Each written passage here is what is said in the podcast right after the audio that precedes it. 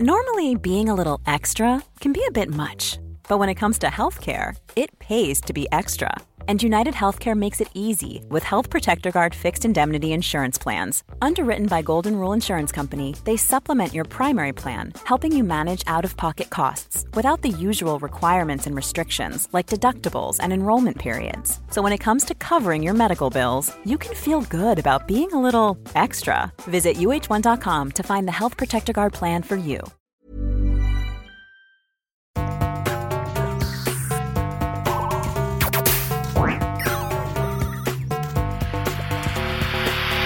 Jeg heter Sondre Risholm Livrød. Jeg er psykolog, og dette er Webpsykologens podkast. Hverdagspsykologi for fagfolk og folk flest.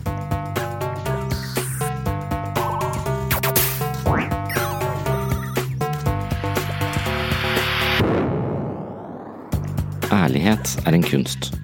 Evnen til å være oppriktig setter jeg som en av de viktigste egenskapene ved mennesket. Dessverre er det slik at vi altfor ofte tar små snarveier for å komme oss lettere ut av en situasjon. Vi serverer små løgner for å opprettholde en god stemning, men prisen vi betaler kan være høy på sikt. Når vi tilstreber å snakke sant så langt det lar seg gjøre, vil det vi sier veie tyngre, vi blir sett på som troverdige, forbundet med integritet, stabilitet og ærlighet. Vi blir et menneske som andre kan stole på, og vi blir et menneske som kan stole på seg selv, noe jeg hevder er en vesentlig del av god selvfølelse. I dagens episode skal jeg nok en gang ta for meg to bøker i løpet av en halvtimes tid. Det er en bok som handler om hvordan vi kan takle den vanskelige samtalen, og det er en bok som handler om hvordan vi kan styrke vår sosiale intelligens eller eh, lykkes i det mellommenneskelige landskapet. Det er to litt forskjellige temaer, men de henger sammen fordi det handler om evnen til å være oppmerksom og oppriktig i forhold til egne og andres følelser. Jeg begynner med boken som handler om eh, vanskelige samtaler. Douglas Stone, Bruce Patton og Sheila Heen har skrevet en bok som heter Difficult Conversations – How to Discuss What Matters Most. Denne boken handler om hvordan vi skal takle de vanskelige samtalene.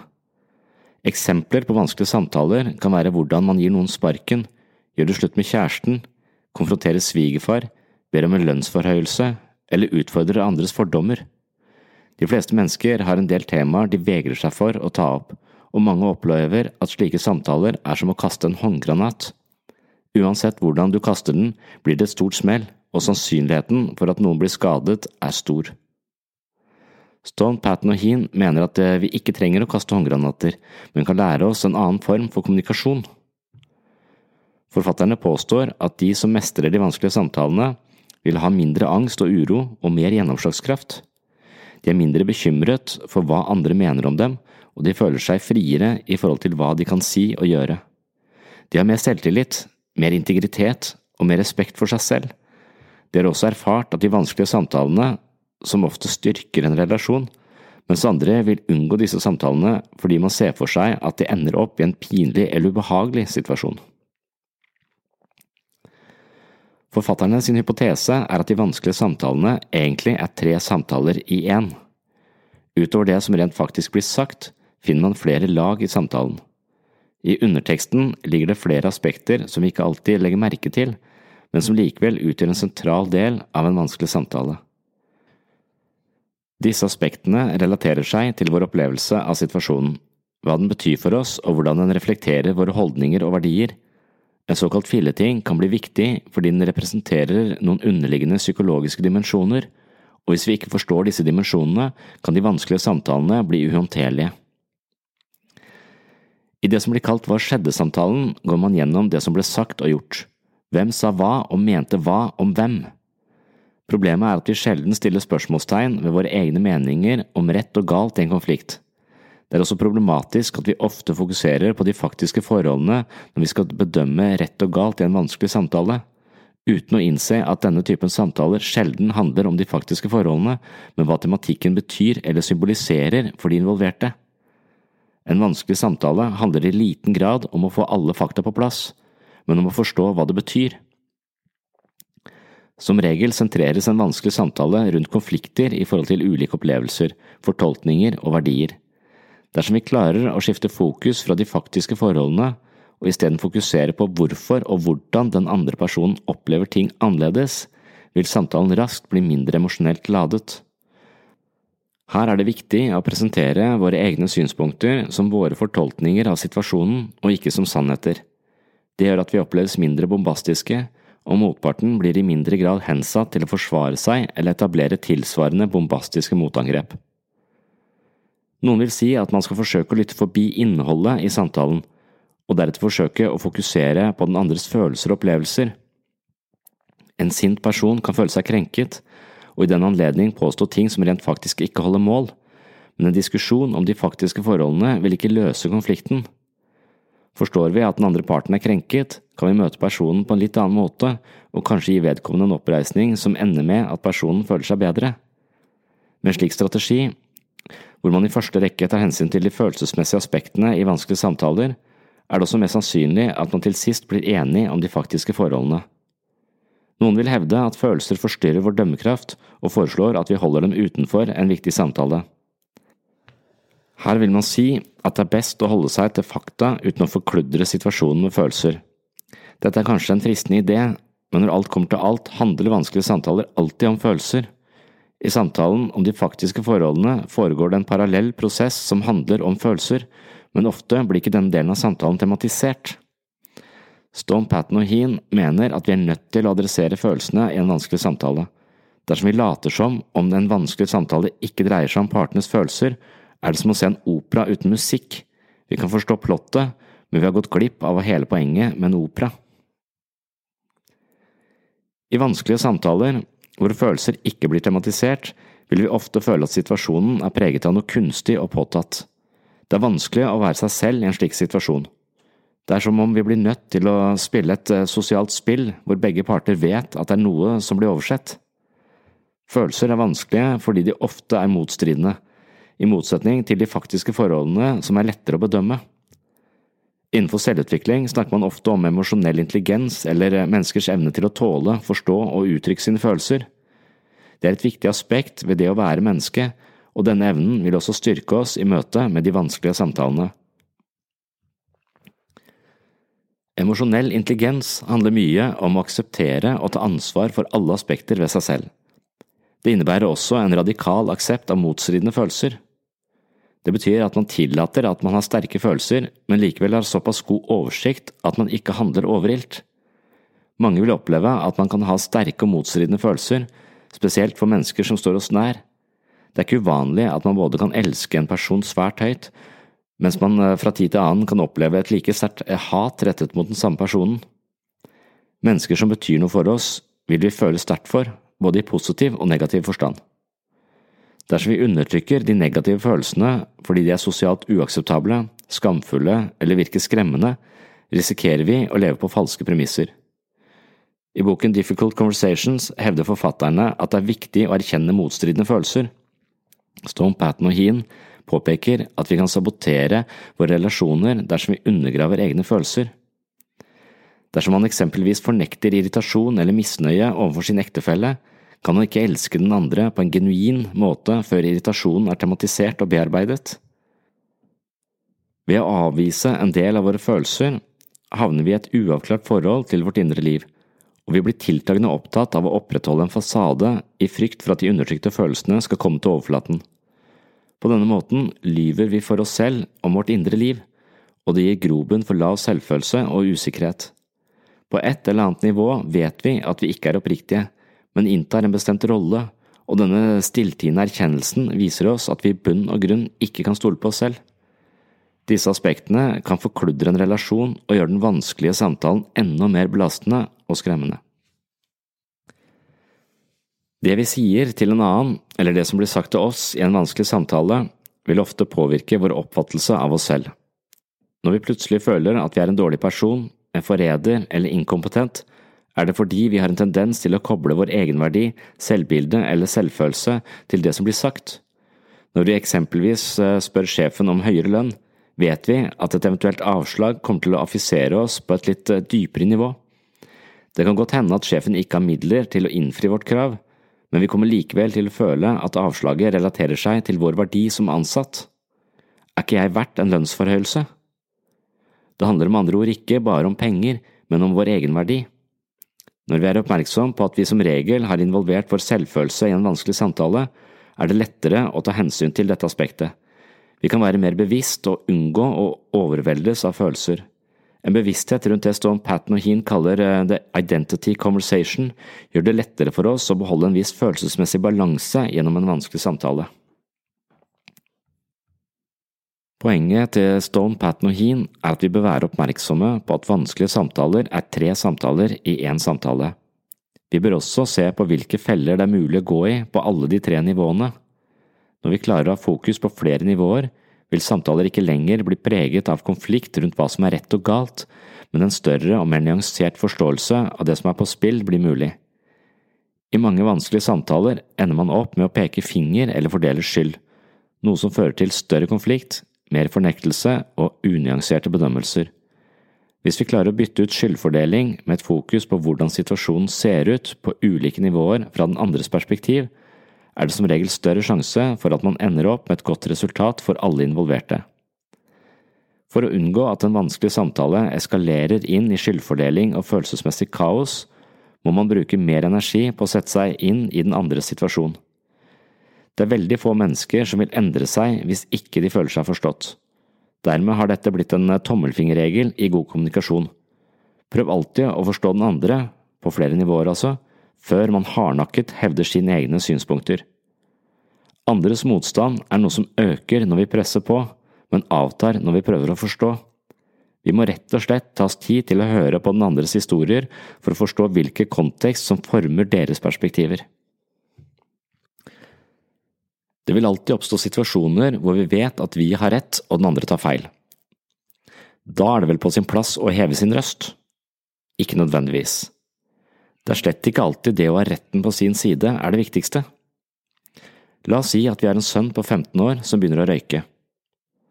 Her vil man som foreldre ha et behov for å formidle skadeeffektene av røyking og forhindre en videre utvikling. Foreldrene har selvfølgelig rett i at røyking er skadelig, men det er ikke sikkert at det er det mest sentrale temaet i 15-åringens røykedebut. Kanskje er røykingen et uttrykk for sønns behov for å bli kvitt stempelet som den eh, flinke sønnen og utvikle mer selvstendighet. Dersom vi tvinger han til å slutte å røyke og tilpasse seg våre krav, forsterker vi et mønster som gutten febrilsk forsøker å komme seg ut av. Dersom han isteden forsøker å forstå og bekrefte guttens identitetsendringer, kan det hende at behovet for å røyke blir borte. I en kommende episode skal jeg ta for meg en del eh, kjente selvhjelpstips, og ett av dem handler om forholdet mellom det å ha rett og gode relasjoner. Av og til kan vi velge mellom å vinne en diskusjon eller opprettholde gode relasjoner. Rett skal være rett, sier man, og forsvarer sin posisjon, og mange av oss bruker altfor mye energi på slike mellommenneskelige dragkamper. Det betyr ikke at man skal unnlate å uttrykke seg, men man skal gi slipp på behovet for å ha rett eller overbevise andre. Når det blir viktig for oss å ha rett, blir det viktig at den andre tar feil. Vi tvinger den andre til å forsvare seg, samtidig som vi presser oss selv til å fremholde forsvar for vår egen posisjon. Når fokuset ligger på rett skal være rett-nivå, blir man som regel ganske emosjonelt involvert, samtidig som man mister fokus på de dypere nivåene i samtalen. De vanskelige samtalene er gjerne de som truer vår identitet. Problemet er ikke selve samtalen med et annet menneske, men alt det som står på spill. Her er selvbilde og identitet sentrale temaer. Når vi føler at vår identitet er truet, reagerer kroppen med alarmberedskap. Det vil si at det oppstår en form for angstlignende opplevelse, og vi får et behov for å forsvare oss eller trekke oss unna. La oss si at sjefen ikke innvilger en lønnsforhøyelse på grunn av arbeidsinnsatsen foregående år. På dette tidspunktet melder det seg ofte en fryktinngytende stemning i de fleste av oss. Enten får vi behov for å forsvare oss og motbevise sjefens vurderinger, eller vi føler at sjefen har helt rett i at vi ikke yter nok på jobb. Vi forlater sjefens kontor med halen mellom bena og en følelse av å være mislykka. Begge disse responsene representerer det man innenfor kognitiv psykologi kaller alt eller ingenting-tenkning. Vi er enten veldig gode eller helt udugelige. David Burns er en av pionerene innenfor kognitiv psykologi og han påpeker at denne formen for tenkning er beheftet med en del problemer. Ved alt eller ingenting-tenkning opererer man med absolutte kategorier som aldri eller alltid. For noen kan det utspille seg i etterkant av en middels prestasjon. Så lenge de ikke presterte perfekt, ser de på seg selv som totalt mislykka. Burns påpeker at svært få aspekter ved mennesket er så absolutte som denne typen tenkning legger opp til. Ingenting er 100 Ingen er bare gode eller bare onde, men befinner seg på en komplisert skala mellom disse ytterpunktene. Når den vanskelige samtalen funderes på alt- eller ingenting-tenkning, også kalt svart-hvitt-tenkning, hos en eller begge parter, blir utfallet av samtalen fatal. Vi ender opp som en engel eller en djevel, og vår selvfølelse, identitet og verdi som menneske er på spill. Det er ikke rart at samtaler blir angstprovoserende. Løsningen er rett og slett å komplisere vår opplevelse av oss selv og vår identitet. Svart-hvitt-tenkning simplifiserer verden, mens vi må gå aktivt inn for å komplisere den, noe som også representerer et mer realistisk og nyansert perspektiv. Når lønnsforhøyelse avvises, kan vi kanskje innse at vi ikke har klart å lande alle prosjekter like godt dette året, mens andre oppgaver har vi utført på en utmerket måte. Stone Patten og Heen har som utgangspunkt at den vanskelige samtalen er en måte å komme tettere på sannheten. Det vil si at man kan lære mye om seg selv gjennom denne typen samtaler dersom man unngår de farligste fellene. Istedenfor å gå til sjefen med et krav, jeg vil ha høyere lønn, kan man gå til sjefen med en litt annen formulering. Jeg lurte på om vi kunne snakke om mulighetene for et lønnstillegg i år. Det er ikke et krav, noe som gjør at sjefen sannsynligvis ikke reagerer så defensivt, og vi blir ikke like sårbare dersom vi ikke får høyere lønn.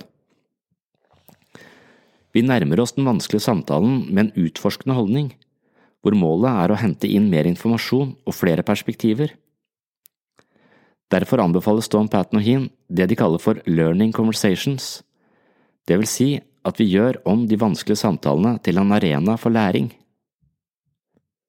Med det mener jeg at du har fått en rimelig god oppsummering av boken som heter Vanskelige samtaler. I andre del av denne episoden skal jeg fortsette med et tema jeg synes relaterer seg til dette. Nå skal det handle om sosial kompetanse, noe man er nødt til å ha for å ta en vanskelig samtale. Boken jeg baserer meg på i denne delen av podkasten heter People Skills, og nå skal du få sju tips for bedre sosial kompetanse. Både jobb og privatliv er evnen til å kommunisere helt avgjørende for suksess. I det følgende skal du altså få sju tips til bedre kommunikasjon og nøkkelen til det som kalles smalltalk. Oh, I'm sorry, we have no midsize available at the moment. I don't understand. I made a reservation. Do you have my reservation? Yes, we do. Unfortunately, we ran out of cars. But the reservation keeps the car here. That's why you have the reservation. I know why we have reservations. I don't think you do. If you did, I'd have a car. So you know how to take the reservation, you just don't know how to hold the reservation. And that's really the most important part of the reservation the holding. Anybody can just take them. Let me uh, speak with my supervisor. Uh, here we go. The supervisor. You know what she's saying over there? What? Hey, Marge, see those two people over there? They think I'm talking to you. So you pretend like you're talking to me. Okay, now you start talking. Oh, you mean like this? So it looks like I'm saying something, but I'm not really saying anything at all? Okay, now you say something else, and they won't yell at me because they thought I was checking with you. Oh, great, I think. I think that's enough. See you later. I'm sorry, my supervisor says there's nothing we can do. Yeah, it looked like you were in a real conversation over there. But we do have a compact if you would like that. Fine. All right. Well, we have a blue Ford Escort for you, Mr. Seinfeld. Would you like insurance? Yeah, you better give me the insurance because I am going to beat the hell out of this one. Please, fill this out. Robert Bolton skrev boken eh, People Skills – How to Assert Yourself, Listen to Others and Resolve Conflicts. Dette ble en slags psykologisk bestselger, fordi den tilbyr konkrete og faglig forankra tips til hvordan man kan bli ja, et slags bedre menneske. Boken handler om eh, hvordan man kan eh, forbedre sine mellommenneskelige egenskaper og bli en bedre menneskekjenner. Samtidig har den et eh, praktisk perspektiv på smalltalk og en rekke tips til hvordan man kan initiere en samtale og holde den i gang på en god måte. Bedre evner i det sosiale landskapet er ikke bare bra fordi man i større grad kan få det man ønsker seg, men også fordi det øker vår evne til å inngå i betydningsfulle og gjensidig givende relasjoner til andre mennesker. Bolton åpner boken sin med det han kaller vanlige feil. Ofte tenderer vi til å være kritiske overfor mennesker som står oss nær, da vi antar at det er den eneste måten de kan endre seg på. Andre mennesker, som vi kjenner mer perifert, gir vi ofte merkelappen som intellektuell, idiot, forsiktig, sjenert osv. Idet vi setter en merkelapp på et annet menneske, risikerer vi å miste et mer helhetlig perspektiv, og vi ser kun en type. Noen mennesker lirer av seg gode råd uten å oppdage at rådene ofte ender opp som en fornærmelse mot den andres intellekt. Med andre ord er det sosiale landskapet fullt av fallgruver som hindrer god kontakt med andre mennesker.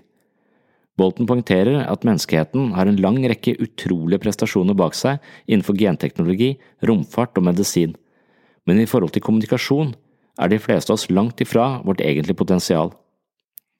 Hvorfor er det slik? Hvorfor er ikke alle mennesker eksperter på kommunikasjon, da det på sett og vis utgjør bærebjelken i vår eksistens som sosiale dyr? I følgende skal jeg oppsummere Boltons tips eh, for bedre kommunikasjon.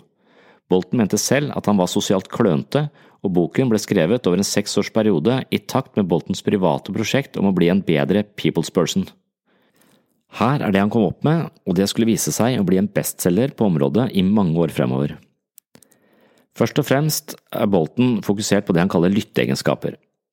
Han viser til forskning som antyder at 75% av all verbal kommunikasjon blir ignorert, misforstått eller raskt glemt av mottakeren. Han fortsetter ved å påpeke at det er en veldig stor forskjell på å høre noen og virkelig lytte til noen. Det betyr at lytting ikke bare er en biologisk prosess hvor man prosesserer lyden fra den andre, men snarere en psykologisk prosess hvor man tilstreber å engasjere seg i den andre personen. Å lytte er ikke en enkeltstående egenskap, men snarere en kombinasjon av flere egenskaper som man beskriver da i de følgende avsnittene. Det første punktet handler om deltakelse. I faglitteraturen finner man en del forskning som forteller oss at 85% av all kommunikasjon er nonverbal. Derfor er en aktiv deltakelse i samtalen, hvor vi på en nonverbal måte forteller den andre at vi er til stede og følger med, en vesentlig del av god kommunikasjon. Det vil blant annet si at man ikke kikker rundt seg i rommet på andre ting, men gjennom sin positur, øyekontakt og bevegelser viser den andre at man er tonet inn på det han eller hun forteller. De fleste gode lyttere har en mer eller mindre ubevisst tendens til å speile den andres kroppsholdning i en samtale. To mennesker som er gjensidig engasjert i en samtale, sitter ofte likt og skifter stilling mer eller mindre synkront. Dersom dette blir en bevisst strategi for å vise den andre at man holder fokus, kan det imidlertid bli unaturlig og virke påfallende. Den andre kategorien handler om hvordan vi følger opp det den andre sier. Bolten har studert dette nøye og kan fortelle at mange bekrefter det den andre sier eller kommer med et råd, men han mener at det er bedre å respondere med en såkalt door opener. Det vil si at man skal svare på en måte som inviterer den andre til å si mer. Her er noen av hans forslag. Legg merke til den andres kroppsspråk. Du stråler i dag. Inviter den andre personen til å snakke. Fortell mer. Vil du snakke mer om det? Hva tenkte du egentlig på? Stillhet kan også være noe man kan bruke. Stillhet kan gi den andre rom til å uttrykke seg mer. Bolten påpeker at mange mennesker er ukomfortable med stillhet, men han mener at dette er noe man kan venne seg til med litt trening. Vårt eget kroppsspråk er altså viktig. Forsøk å signalisere at man er klar for å lytte til den andre. Etter hvert som vi utvikler vår evne til å følge opp det den andre sier, vil man indirekte utvikle en slags empatisk egenskap hvor man legger merke til den andre. Man vil oppleves som en åpen og interessert person. Stikkord for det tredje punktet er eh, parafrasering. Bolten kaller det altså parafrasering, og det dreier seg om å gjengi det den andre har sagt med sine egne ord, eller respondere med en kort oppsummering av det vi har fått med oss av det den andre har sagt. Når noen presenterer et problem, følger vi altså opp med å gjengi vår forståelse av problemet, og gjerne på en så kort og presis måte som mulig. Bolten anbefaler å gjøre det i én eller to setninger. Ved parafrasering viser vi den andre at vi følger med og engasjerer oss i det som blir sagt. Den andre føler seg ofte forstått på denne måten. Kanskje kan man føle seg litt eh, utilpass eller som en eh, parodi på en psykolog dersom man stadig oppsummerer og gjentar det den andre sier, men faktum er at andre som regel setter pris på at deres følelser og budskap blir bekrefta. Det fjerde punktet handler om speiling. Dette er en type respons som har til hensikt å reflektere den andres følelser og status. Bolten beskriver en morgen i en typisk småbarnsfamilie hvor moren i familien havner i det ene uhellet etter det andre. Det minste barnet gråter, telefonen ringer, toasten blir brent, og hun mister en skål med yoghurt i gulvet. Dersom hennes ektemann uttrykker at han er misfornøyd med toasten, eller ber henne skjerpe seg når hun mister yoghurten på gulvet, er det sannsynlig at den overbelasta mammaen blir sint og reagerer ganske eksplosivt. I dette tilfellet foreslår Bolten en såkalt speilende respons. Kjære, det er en tøff morgen for deg. Først minsten som skriker, så telefonen, så toasten og deretter yoghurten. Poenget er at hennes mann legger merke til alt hun gjennomgår, og han viser henne at han har sett at hun har en røff morgen. Hans kommentar er medfølende og bekreftende, snarere enn kritisk og fordømmende, og det er nøkkelen til en speilende respons. Det femte punktet handler om å bekrefte følelsene. Som psykolog vet man at mennesker sjelden uttrykker sine følelser direkte. Mange mennesker går rundt grøten, som det heter. Det vil i praksis si at de ofte forteller historier eller presenterer problemer som virker relativt konkrete eller enkle. Da er det fristende å lytte til innholdet i hva de sier, og deretter foreslå en løsning på problemet, men det er ikke alltid en god strategi. Ofte er det slik at det en person faktisk sier, er innpakningen eller overflaten som skjuler det egentlige problemet. Ved å lytte etter følelsene i det den andre sier, kan man speile følelsene bak hendelsen som beskrives, og da er det sannsynlig at den andre virkelig føler seg forstått og selv kan åpne seg noe mer, og ikke minst våge å være mer følelsesmessig til stede. Når man øver seg på å lytte til følelsene i det den andre sier, kan man unngå lange og til dels uhensiktsmessige samtaler om trivialiteter. Det sjette punktet har overskriften yin og yang i kommunikasjon. Bolten ser på lytting som kommunikasjons yin, hvor man forholder seg som mottaker, mens yang er den aktive delen av kommunikasjon. Han poengterer at mange mennesker har dårlige kommunikasjonsevner, hvor vi enten sutter oss til det vi ønsker å oppnå, eller benytter oss av aggresjon. En tredje variant dreier seg om at vi ikke uttrykker oss i det hele tatt, men unnviker alle konflikter. Han setter menneskets skrøpelige kommunikasjonsevner i et evolusjonsperspektiv, hvor han påpeker at vi på et rent biologisk nivå er predisponert for å reagere med fight, flight eller freeze. Dette gjenspeiler altså våre strategier i kommunikasjon og konfliktløsning. Vi blir aggressive og ufine, altså fight, Flight handler om at vi legger oss under den andre og ber om nåde, altså sutrer seg til den eh, andres gunst, eller vi unnviker ved å forholde oss tause og tilbaketrukne, som altså da er freeze-responsen. Men som sofistikerte og siviliserte mennesker har vi et fjerde alternativ, nemlig dialog. Det betyr at vi kan stå på vårt uten å bli aggressive eller trekke oss unna, vi kan bruke argumenter og tone oss inn på den andre slik at situasjonen blir løst på en konstruktiv måte, eventuelt basert på kompromisser fra begge sider. Dette er den modne og mest emosjonelt intelligente måten å løse mellommenneskelige problem på, men likevel tenderer mange av oss til enten sutring eller krangling når vi er i konflikt. Bolton snakker om en slags eh, verbal fintfølelse, hvor vi ikke henfaller til destruktive mellommenneskelige dynamikker basert på angrep, men isteden skaper forandring uten å invadere den andre. Man har fokus på resultatet og unngår å involvere mer barnslige maktkamper. Det betyr ikke at vi aldri kan være sinte, men det betyr at vi lar den andre få vite at vi har en klar agenda og et behov for å hevde oss, men uten at vi henfaller til fiendtlighet eller aggresjon. Det siste punktet, som altså er punkt nummer sju, handler om konfliktforebygging. Bolten snakker altså en del om det å forebygge konflikter.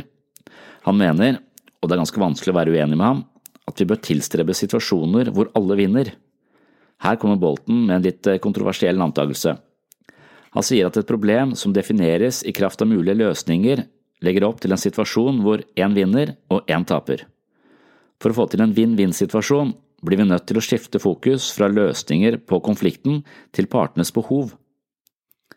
Ved å identifisere partenes respektive behov åpner det seg langt flere og mer elegante løsninger på problemet hvor alle vinner litt hver. Det er et ordtak som sier at et eh, problem som er godt definert, er halvveis løst. Bolten viser oss en annen vei og tilbyr en oppskrift på hvordan vi møter en konflikt med fokus på behovene til de involverte snarere enn løsninger. Forskjellen på å se etter løsninger og se etter partenes behov er kanskje subtil, men Bolten har mange gode eksempler som illustrerer hvordan fokus på partenes behov gjør oss mer sensitive og lyttende i forhold til andres ønsker og meninger.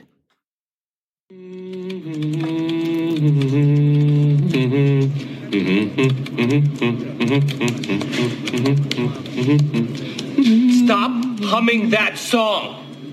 I can hum if I want to. I know you can. I'm asking you to stop.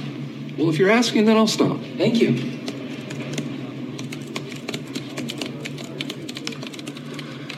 Could you not smile like that? Now you're asking me to mask my emotions because of how it makes you feel? That I will not do. Seriously, stop humming. Okay? This isn't accounting or wherever the hell you and your little pocket calculator were transferred from. Forensic accounting. Okay, and it's an important part of the job. Yeah, whatever. Stop being so overtly happy about doing shit work, you moron. Hey guys, reminder: the police union picnic's coming up this weekend. Uh, my wife's making her famous deviled eggs again. My waistline's furious. It's a bad time, Bob. All right. I want to get a slice.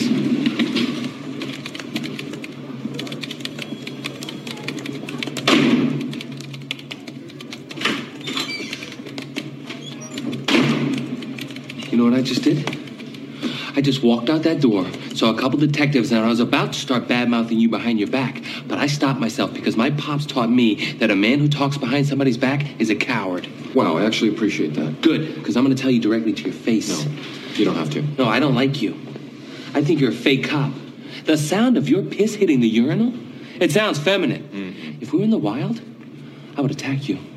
Even if you weren't in my food chain, I would go out of my way to attack you. If I were a lion and you were a tuna, I would swim out in the middle of the ocean and freaking eat you. And then I'd bang your tuna girlfriend. Okay, first off, a lion swimming in the ocean? Lions don't like water. If you'd placed it near a river or some sort of fresh water source, that makes sense. But you find yourself in the ocean, 20 foot waves, I'm assuming it's off the coast of South Africa, coming up against a full grown 800 pound tuna with his 20 or 30 friends, you lose that battle. You lose that battle nine times out of 10. And guess what? You've wandered into our school of tuna, and we now have a taste of lion. We've talked to ourselves, we've communicated, and said, you know what? Lion tastes good. Let's go get some more lion. We've developed a system to establish a beachhead and aggressively hunt you and your family. And we will corner your, your pride, your children, your How you gonna do that? We will construct a series of breathing apparatus with kelp. We will be able to trap certain amounts of oxygen. It's not going to be days at a time, but an hour, hour 45, no problem. That will give us enough time to figure out where you live, go back to the sea, get more oxygen, and then stalk you. You just lost your own game. You're outgunned and outmanned. Did that go the way you thought it was going to go? Nope. Bolton sin bok inngikk i mitt prosjekt om å lese de 100 mest solgte psykologibøkene gjennom tidene. Jeg likte People Skills fordi den virket varm og ekte. Med Boltons tips for bedre relasjoner og en oppskrift på håndtering av vanskelige samtaler setter jeg punktum for dagens episode. Som vanlig vil jeg takke alle som har gitt podkasten stjerner i iTunes. I en liten periode lå jeg inne blant topp ti podkaster, og det var mer behagelig for egoet mitt enn jeg hadde håpet på. Men det betyr at gode skussmål i iTunes hjelper sinnssyn å nå ut til et større publikum. Liker du podkasten, håper jeg at du tar deg tid til å rate den. Jeg håper også at du anbefaler den til kjente eller deler den i sosiale medier. Alle tiltak av denne typen er jeg uhyre takknemlig for. Like takknemlig blir jeg for alle dere som er mer interessert i menneskets psykologiske liv, og faktisk så interesserte at dere kjøper bøkene mine fra webpsykologen.no. På min hjemmeside får du garantert best pris, raskest levering og gratis frakt. Ellers håper jeg du tuner inn i neste episode. På gjenhør.